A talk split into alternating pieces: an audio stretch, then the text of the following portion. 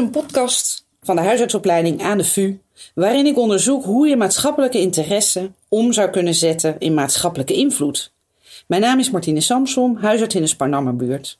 Het is 2 februari 2022 en ik ben te gast bij een maatschappelijk bevlogen huisarts in Osdorp, die aan de wieg stond van de beweging Dappere Dokters en het roer moet om. Bart Meijman. Fijn om hier te zijn. Welkom. Dank je. Ehm, ik, uh, om maar met de deur in huis te vallen. Ehm, jij vindt het belangrijk, maatschappelijk handelen. Ik ook. Het is een competentieprofiel van de huisarts in opleiding. Mhm. Waarom vind jij het belangrijk voor de huisartsen in opleiding?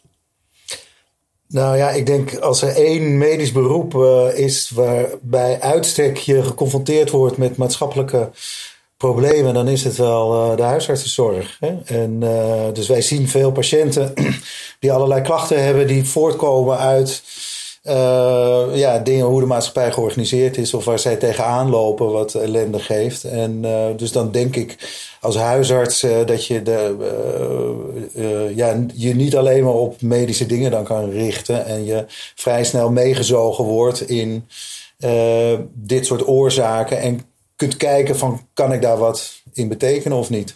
Ja, want hoe is dat met jou gegaan? Hoe is dat begonnen, dat maatschappelijk activisme? Uh, bij mij is dat begonnen dat ik uh, zeg maar aan het eind van mijn medische studie. Uh, toen begon Arts zonder Grenzen eigenlijk net. En daar, werd ik, daar was ik erg door gegrepen. Het was een soort mix van zeg maar, avontuur, maar ook het type werk. Uh, wat ze deden. Uh, en ook een beetje die maatschappelijke betrokkenheid. Uh, en ik ben toen, zeg maar in 87, nadat ik de tropencursus gedaan had in België, ben ik met de Arts zonder Grenzen weggegaan in Oeganda. wezen werken acht maanden. Dat was een conflictgebied. En vanuit daar ben ik een aantal jaren betrokken gebleven bij Artsen zonder Grenzen. En um, ja, Artsen zonder Grenzen heeft gewoon uh, van zichzelf eigenlijk twee dingen. Dat is uh, medische hulp bieden en getuigen van misstanden die je ziet. En dat sprak mij dus wel aan. Hè? Dat je dus, uh, want uh, aan zich was het soms ook wel tamelijk hopeloos als je soms kijkt naar conflicten in de wereld, hè? hoe hopeloos het kan zijn. Mm -hmm. Maar goed, dan blijft het altijd heel dankbaar werk uh, om toch individuen te helpen. Hè, uh, ondanks dat de situatie zo schijnend voor die individuen is. Maar daarnaast gaf het toch ook een soort bevrediging van er is meer hè, dat je ook kan doen. Want je kunt ook een beetje getuigen wat die mensen niet kunnen zeggen. En wij hebben de middelen naar de media toe of andere dingen, of de politiek, om te getuigen van misstanden waar die mensen in, in, in leefden. En toen ik uh, de huisartsopleiding ben gaan doen, toen uh, en klaar was als, uh, als huisarts, toen heb ik eigenlijk dat altijd wel gevonden van ja, dat past ook heel erg bij de huisartsgeneeskunde. En ik, ik ben er ook gewoon, ik ben ook maatschappelijk geïnteresseerd, zeg maar, in wat er, wat, wat er gebeurt. Mm. maar um, ja, dus dat een beetje. Ja, dus je bent van jezelf maatschappelijk geïnteresseerd. Ja. Dat is in ieder geval een heel belangrijk ding. Ja, ik kom ook uit een gezin, zeg maar. Weet je, ik ben de jongste van acht. Ja. En uh, uh, wij hadden wel altijd thuis, waren er altijd wel discussies over politieke, maatschappelijke zaken. Dus ik, ik heb het wel een beetje meegekregen dat je daar ook in geïnteresseerd eh, bent. En ook wel ja, dat je ook wel, dat, dat, is, dat is later gekomen. Ik denk het belangrijkste is dat je erin geïnteresseerd bent. Maar daarna ben ik ook wel gaan zien van uh, ja, wij zijn ook wel heel.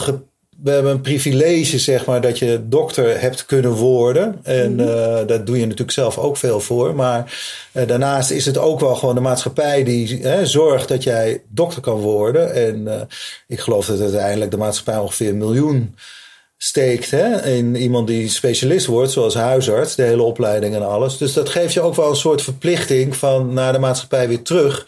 Dat jij hè, ook daarin wat kan doen. Dus dat, dat vind ik ook wel een betekenisvol iets, hè, om, daar, om daar naar te kijken.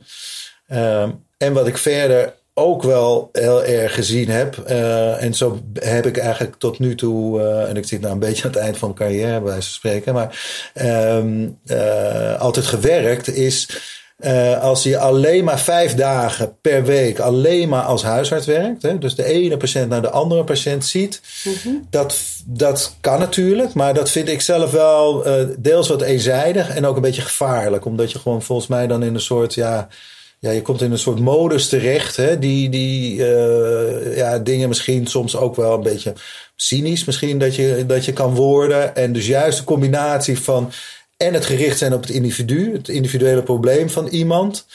Uh, en daarnaast uitvergroten uh, naar medische dingen of, of, maatschappelijke dingen, wat een totaal andere manier van denken vraagt. Hè. Een individueel probleem op huisartsgeneeskundig gebied is een hele andere vorm van denken mm-hmm. dan denken over maatschappelijke problemen en hè, hoe dingen uh, veranderd zouden kunnen worden en wat jouw meestal minuscule rol hè, daarin kan zijn, maar in ieder geval wel uh, daarmee bezig zijn. Ja, en wat is dat dan concreet hoe je daarmee bezig kan zijn vanuit de huisartspraktijk? Ja, nou ja, zoals wij het hier, ik werk met Frederik Pijbes hier in de, uh, hebben wij samen de praktijk hier. Mm-hmm. En we hebben eigenlijk wel een vrij mooie combinatie daarin, omdat Frederik is heel erg op de wijk hier, dus die zit in alle kleine wijkdingen die mhm. er gebeuren. Mhm. uh, in, in de samenwerkingsdingen. En ook heel erg van, van ja, wat, wat gebeurt er en hoe kan dat wat beter. Dus dat is het kleinschalige, direct uh, uh, tastbare, zeg maar. Ja. En zelf ben ik meer, ehm, omdat ik op een gegeven moment in de, in de huisartsenkring terechtkwam en daar voorzitter werd van de huisartsenkring Amsterdam. En daar met een aantal hele leuke andere bestuursleden, dat je net weer op een, zeg maar, een, een niveau nou ja, hoger klinkt net alsof het meer is, maar gewoon net wat meer bestuurlijk. En, dat je, en, en bestuurlijk moeten er natuurlijk ook dingen gebeuren. Mm-hmm. Uh, en waarbij wij het vooral dan wel op de inhoud de hele tijd hebben gehad. Dus niet uh, dat we het echt het bestuurlijke, maar vooral van hoe kan je nou van wat goede medische zorg is uh, vertalen naar wat er bestuurlijk zou moeten gebeuren. En de bestuurders beïnvloeden of adviseren hè, wat, wat goede stappen zijn. En, en zelf ben ik het meest eigenlijk uh, wel bezig altijd geweest met. Uh, nou ja, hoe, hoe, hoe we medische hulp verlenen in, in Nederland dan. Hè? En, of in een stad met name. en dat je toch wel heel veel ziet. Ehm, dat we zeker niet te weinig doen. Hè? En soms wel, hè? maar in de regels zitten we wel erg naar overbehandelen aan. Hè? En we medicaliseren veel. naar dat soort problematiek, dat vind ik wel heel interessant om daar te kijken van waar komt dat vandaan en uh, wat kunnen we eraan doen. Want het is met name, uh, als er te weinig gedaan wordt, is het natuurlijk uh, niet goed voor mensen. Maar als het te veel gedaan wordt, is ook helemaal niet goed voor je patiënten. Ja. En daar, daar zijn we eigenlijk met die groep uh, mee bezig geweest. En daar is een beetje optimale zorg, dappere dokters uit voortgekomen. En, en als je daar uh, ja, met een groep mee bezig bent, ook al om zeg maar, aan huisarts in de opleiding mee te geven, dan ontmoet je dus ook heel veel leuke collega's die ook enthousiast zijn. Dus het stimuleert je ook om daarmee bezig te zijn. Want je raakt geïnspireerd hè, door andere collega's die, die daar ook mee bezig zijn. Um, en dan, ja, dan ga je ook wat meer in verdiepen van het is uh, allemaal niet zo heel simpel waarom er bijvoorbeeld overbehandeling is. Hè. Er zijn heel veel factoren die een rol spelen, maar uiteindelijk uh, uh, kan je wel proberen daar wat aan te doen. Ja. En dat lukt eigenlijk alleen maar als je dat toch wel ja, of projecten gaat doen, of conferenties, of debatten organiseert anderen erbij betrekt. Hè, zodat je het wel kenbaar maakt. Zodat, zodat je mensen probeert te stimuleren van God, denk daar ook eens hè, over na. En geef ons weer feedback daarop. Ja. ja, want zo heb ik jou ook leren kennen. Via de dappere dokters. Ik, of ik wist al dat jij voorzitter was hoor. Maar dit was natuurlijk heel erg op de inhoud. Dat was heel leuk. Ja. En wat me opviel is dat het dan jou lukt om nou, veel mensen daarbij te betrekken. Maar ook de media. Ja. Hè? Dus er komen dan interviews of um, in de krant, het parool. Ja. Hoe gaat dat dan in zijn werk? Ja, dat heb ik wel, denk ik, bij uh, Arts van de Grens ook wel ook geleerd. Hè? Van, mm -hmm. uh, uh, dat is natuurlijk, was ook een van de krachten, zeker in het begin van Arts zonder Grenzen. Nu ja, is het zo'n grote organisatie geworden. Toen was het nog echt ook heel erg Nederland, zeg maar, waar wij mee bezig waren. Maar met bijvoorbeeld Jacques de Miliano, hè, die ook huisarts, is aan de VU.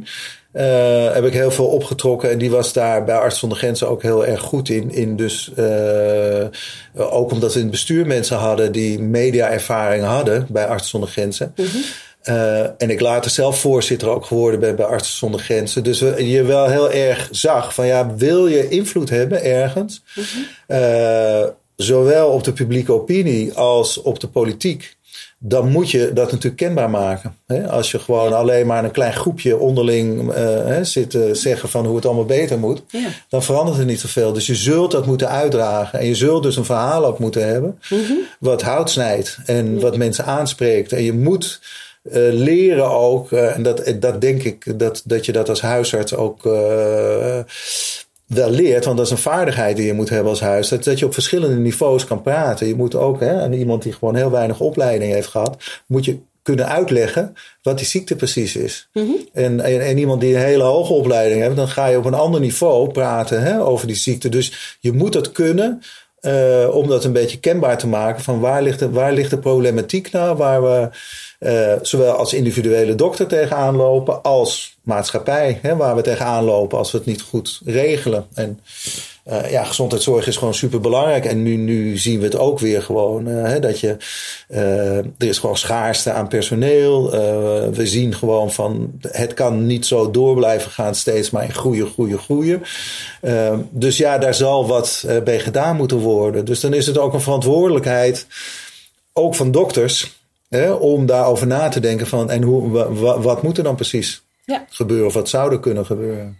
En dan hoe vertel je dat? En hoe vertel je dat, ja. En, uh, ja, en, en, dan krijg je wel een soort iets van. Uh, als je een paar keer. Uh, eigenlijk zijn ze vrij makkelijk benaderbaar, journalisten. Ja. En, ehm, dus ja, die willen ook wel graag een, een verhaal horen. Uh, hè, als het een beetje hout snijdt. En wat wij eigenlijk altijd gedaan hebben, en daar zijn ze denk ik ook wel uh, meer gevoelig voor, is we hebben, wij hebben het eigenlijk altijd over de inhoud. We hebben het nooit over geld. Ja. En daardoor krijg je wel dat ze zien van, uh, dat, dat, dat dat er ook achter steekt. Dat, dat er dus ja, iets verteld wordt of zorgen geuit wordt omdat je bang bent dat het gewoon voor de zorg, voor de medische hulp niet goed gaat. En niet zozeer van het gaat voor mij niet goed of wij raken overbelast. Hè. Dat heb je natuurlijk ook. is ook belangrijk dat andere mensen dat doen. Maar dat, daar heb ik me nooit uh, heel erg mee bezig gehouden. Uh, en ik denk dat dat ook wel helpt. Hè? Want dat, dan krijg je wat algemeen, krijg je wat andere type verhalen waar journalisten ook wel wat, wat interessanter vinden dan te horen van uh, ja, wij hebben het weer, wij hebben het zo moeilijk en wij hebben het zwaar of we verdienen niet genoeg of nou ja, doe maar dat soort dingen. Dat, dat, is, dat is een ander type verhaal. Ja. Dus jij zegt ga voor de inhoud. Ja, ik denk sowieso. Werk vanuit de inhoud. Ja, ja. En zelfs dat als je dus ook voor jezelf iets wil veranderen, dan zul je dat eerst vanuit de inhoud moeten doen. En ja. vanuit de inhoud kan je dan zeggen van, en als, zoals het nu georganiseerd is, kunnen we dat niet doen. Hè? Dus dat is niet goed. En, en dan kan je, hè, nou ja, goed, dan komt het erop aan van wat kan er dan veranderd worden. Uh, maar, maar, zo, uh, maar goed, dus ja, dat is belangrijk. Ja. ja. Hey, en wat heb je, kun je een voorbeeld verzinnen wat jij het allermooist of best vond wat je bereikt hebt? Of... Nou, ik vind, uh, uh, aan zich vind ik dus optimale zorg, dappere dokters, vind ik wel hoe we dat met z'n allen gedaan hebben. Daar krijg ik altijd wel een warm gevoel bij, omdat het in feite iets is, het, het is, het is heel simpel. En het gaat in feite, die kernwaarden gaat in feite over gewoon een goede dokter zijn, goed dokteren. Mm -hmm. Maar dan de verschillende aspecten die daarbij horen. Dus het is helemaal niet iets heel hoogdravends of uh, dat je denkt van, uh, het is ook uh, helemaal niet vernieuwend, maar toch wel omdat we soms zo weggedreven zijn van wat eigenlijk gewoon goed dokteren is, dat het fijn is als mensen daar een beetje mee geconfronteerd worden. En dan dus de kernwaardes is toch wel een beetje van durf jij als dokter ook naar je eigen handelen te kijken. Dat is denk ik wel een heel belangrijk iets. Hè? Want we zijn toch altijd wel heel erg geneigd om uh, ja, de schuld een beetje bij de ander te leggen waarom het niet uh, helemaal goed gaat. Hè? Huisartsen vinden dat specialisten niet goed doen. Specialisten vinden dat huisartsen hè, dingen anders zouden kunnen doen. Het ook heel prettig is als je, als je leert om elkaar aan te spreken. Hè? Als je vindt dat iets niet helemaal goed gegaan is. Of ook als iets wel goed gegaan is. Maar goed, dus als je dingen wil veranderen, hoe kan je dat doen? Nou, dat is denk ik ook heel belangrijk om dat in een opleiding te hebben. Zodat je collega's wel stimuleert om te veranderen. En ook een beetje prikkelt. Of in ieder geval hè, om scherp te blijven. En, en, en een derde kernwaarde is ook uh, is, uh, het maatschappelijk handelen kijken zowel naar je beroepsgroep, van wat doet de beroepsgroep allemaal. En uh, daarin hebben wij ook wel een aantal dingen. Daar kom ik straks op, zeg maar, vanuit het roer moet om. Hè, dat je ziet van, hey, schiet de beroepsgroep eigenlijk ook niet door hè, in een aantal uh, aspecten. Uh, dus dat is van, van, van hoe, hoe gaat dat allemaal met, met, met protocolering, kwaliteitsdenken en al dat soort zaken. Uh, maar ook de, de maatschappij, hè, van, waar je dus als dokter aanspreekt omdat je dingen ziet waarvan je denkt, ja, maar dit is gewoon slecht voor onze patiënten. Ja. En uh, dus de kernwaardes eigenlijk van het huisartsenvak zie jij, of wat jij belangrijk vindt van ons huisartsenvak en het maatschappelijk handelen, zie jij dan terug in uh, die beweging ja, maar voor, voor alle. Ja, maar voor alle dokters. Hè? Ik, vind, ik vind wel voor alle dokters gelden. En het geldt, uh, dus het is niet zozeer... Dus die beweging is ook voor, is voor dokters. dokters is voor dokters. Oh, ja. En we hebben dus ook veel werkconferenties georganiseerd in de loop der jaren. Juist uh, gemengd. Hè? Dus met specialisten van, hè, met, ja. vanuit diverse specialismen. Samen met huisartsen. Of met psychiaters erbij. Hè? Zodat je dus uh, ook de andere visies hoort van anderen die er natuurlijk vaak anders in staan, omdat ze andere ervaringen hebben. Maar dat is wel heel, uh, ja, dat kan heel stimulerend zijn. Ja. Dus die conferenties hebben, heb ik altijd heel uh, waardevol gevonden, die we in Amsterdam hebben kunnen organiseren. Maar als je dan kijkt van, van ja, waar, waar hebben we het meeste succes mee gehad? Dat is dan met het roer moet om, waar we gewoon met een andere groep huisartsen een onverwachts wat stouter bezig waren en gewoon heel veel aandacht daarmee gegenereerd hebben door bijvoorbeeld toen, um, dat is denk ik nu zeven jaar geleden, dus om vijf voor twaalf uh, s'avonds uh, dat manifest te spijkeren op het ministerie.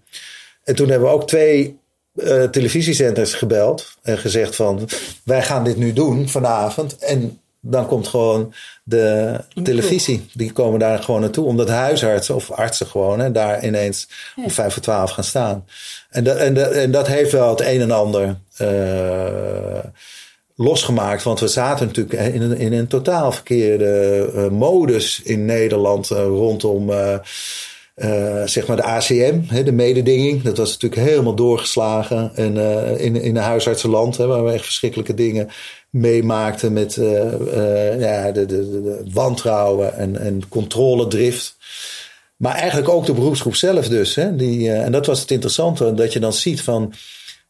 toen we dus met al die partijen rond de tafel kwamen... want dat was minister Schippers, die was eigenlijk heel blij dat wij dat deden. Want zij zei, het gaat mij niet lukken. Hè? Iedereen denkt dat de minister wat kan doen, maar die kan eigenlijk niet zo heel veel omdat we A, al een soort structuur gekozen hebben in Nederland, hè, waar VWS eigenlijk niet zo heel veel te zeggen hebben, want we hebben een soort markt. Uh, hè, dus die marktpartijen, die moeten hier nu samen wat aan gaan doen. Dus toen heeft ze min of meer gesommeerd dat die marktpartijen allemaal aan tafel gingen zitten. Dus dat, zijn, dat waren uh, en de ACM, maar ook de patiëntenvereniging, uh, de, de, in dit geval dan de hè, LAV en de NAG, de zorgverzekeraars. Uh, uh, en toen zag je uiteindelijk van, maar dus waar ligt nou precies het probleem rondom die doorgeslagen bureaucratisering, dat doorgeslagen kwaliteitsdenken. En dan blijkt eigenlijk dat het grootste probleem komt vanuit de beroepsgroep zelf. En dat was wel heel, het was wel heel boeiend om dat dus te zien. Ja. Uh, en om daar dus aan te gaan werken. En uh, daar, een van de dingen die dus uiteindelijk nu is bijvoorbeeld die accreditatie hè, van de huisartsenpraktijk. Ja. Die was dus jaarlijks. Dat was echt een, een, een heel frustrerende bezigheid. En ongelooflijk een dom niveau vonden wij wat het was. Hè. Het ging echt om stickertjes en data van je verbandjes. En totaal niet een accreditatie van hoe sta je in het vak? Wat, wat doe je nou allemaal? Hè? Een soort keurmerkje-achtig iets was het. Nou, wat je gewoon helemaal niet wil bij, bij academici, dat die op die manier ehm, zich moeten accrediteren en hè, moeten, moeten bewijzen dat ze, dat ze hun praktijk goed doen. Dus daar is wel het een en ander in veranderd. En ook, het is niet meer jaarlijks geworden. Dus het is nu één keer in de drie jaar. Ja. En dat is, dat is, uh, nou ja, dat is wel een puntje wat, wat we binnengehaald hebben. Naast dat die ACM allemaal veel uh, rustiger geworden is. En, en je dus ziet van, nou ja, men aan zich wel ziet dat die bureaucratisering, hè, dat dat heel lastig is. Uh, en ook veel nadeel oplevert in de, in de zorg. Maar uiterst moeilijk is om, om te verminderen. Weg te krijgen, ja. ja. Weg krijg je het nooit. Maar verminderen nee, is al verminderen, mooi. Ja, of op zijn minst stationair houden. Ja. Ja. ja. Hey, en um, nou, mooi hè, dat deze dingen die je allemaal ja. bereikt hebt en nou, gedaan hebt. Samen, onder hè? andere. Ja, Ja, ja, en de gezamenlijkheid is natuurlijk ook belangrijk. Hè? Dat vertel je ook. Dat maakt het ook leuk natuurlijk. Dat is, want dat is ook een beetje waarom het, uh, uh, waarom het uh, ook leuk is en waarom het ook kan. Want het is, niet een, het is totaal niet een solistisch iets. Hè? Het is gewoon met een aantal mensen doen. En, dus, en, en daar zitten altijd ook weer hele leuke mensen bij die weer creatieve andere ideeën hebben. Ja. En dan krijgt het een, een zeker volume. En verspreidt het zich ook, hè? niet alleen in Amsterdam, maar ook in andere. Hè? Een aantal komen uit andere, andere windhoeken zeg maar, van Nederland. En uh, ja, dan, dan, dan is dat gewoon heel erg leuk om te doen. Ja. Mooi. En uh, veel huisartsen of jonge huisartsen zullen zich afvragen: Nou, dat uh, vak is al best wel zwaar. Ja. He, we hebben een volle dag. Ja. Uh, hoe doe jij dat dan erbij? Nou ja, kijk, dat, ik, ik ben zeg maar uh, in het bestuur gekomen. Nou, laat ik, laat ik het anders zeggen. Ik heb altijd, dus wat ik eerder al zei, uh, nooit vijf dagen in de week uh, als huisarts gewerkt. Mm-hmm. Dus ik heb altijd max vier dagen. En dat ik altijd, ik, ik, heb altijd wel vijf dagen per week gewerkt. Maar die andere dag, en dan vaak ook wel delen in het weekend of wat s'avonds, aan andere dingen dus besteed in het verleden Arts zonder Grenzen, zeg maar het begin. Ja. Toen ik net in de huisarts was. Toen ben ik nog een tijdje doorgaan bij Arts zonder Grenzen uh, naar het veld. En toen op een gegeven moment ben ik in het bestuur gekomen. En dat heb ik uh, tot ergens 2003 gedaan. En ik, ik ben in, uh, toen was ik al dus 13 jaar huisarts. dus toen heb ik het vak wel ook wat geleerd. Hè? Dus ik zat, kwam bij een oudere collega. Dus dat is ook prettig dat je een beetje meezeilt hè, met, een, met een collega die het vak ook goed doet. En dat je op die manier hè, dat, uh, er ook goed in komt. Yeah. Um, en ik kan me dus voorstellen dat als je gewoon uh, net klaar bent met je huisartsopleiding, ja, dat je, en je gaat beginnen als huisarts, dat dat gewoon heel veel aandacht vraagt. En dat je niet meteen denkt, dan ga ik allemaal dit soort, uh, het klinkt groot, maar dat soort klussen erbij doen. Yeah. Maar dat hoeft ook niet. Je kan, maar het, je kan je al wel in kleinere dingen verdiepen die in de wijk gebeuren of weet ik het, hè, die allemaal niet zo kolossaal veel tijd hoeven te kosten. Yeah. En ondertussen moet je je wel een beetje prettig voelen als dokter. Hè? Dat je je werk gewoon goed kan doen. Hè? En in het begin kost je dat natuurlijk veel meer energie. Elke patiënt. En een hele dag spreker doen. En allemaal piekeren van heb ik dat wel goed gedaan. En dit. En, uh, en dat wordt op een gegeven moment gelukkig natuurlijk minder. Hè? Dat je gewoon in de regel, als ik nu een dag doe. Ik, gelukkig zijn er ook veel momenten hè, dat je spannende dingen uh, ziet. Maar, maar heel veel is natuurlijk ook gewoon heel leuk werk. Maar niet dat ik daar wakker van lig. Hè? Van is dat allemaal wel goed gegaan? En dat is in het begin natuurlijk lastiger. Dus dan kan ik me voorstellen dat je niet meteen daar hele grote klussen bij wil gaan doen. Ja. Maar ik denk wel dat het wel heel goed is om je er wel gewoon, uh, al kom je maar naar werkconferenties of wij organiseren ook wel eens debatten of anderen organiseren debatten, hè, van, om daar naartoe te gaan, om je wel te laten inspireren op dit vlak. Hè? En dan op een gegeven moment je moment te kiezen van nou, uh, mijn kinderen zijn wat groter, hè, krijgen nu wat extra tijd. Of, uh, en dan vind ik dat eigenlijk wel interessant uh, om dat te doen. Want je, je ontwikkelt ook kanten van je persoonlijkheid ja, die je niet helemaal kent. Hè? En dat, dat is natuurlijk ook gewoon heel leuk om, om daarmee bezig te zijn. En, dus het verbreedt, het verrijkt, je, het verrijkt je bestaan, zeg maar. Ja. Dus. En zijn er nog dingen waarvan je zegt, nou, in die tijd die in de tijd dat ik dit doe, hè, dit, al dit werk naast mijn uh, praktijk, uh, zijn er dingen die je denkt, nou, dit vind ik toch heel vervelend daaraan geweest? Nou ja, kijk, je moet wel, ik ben wel van nature een optimist.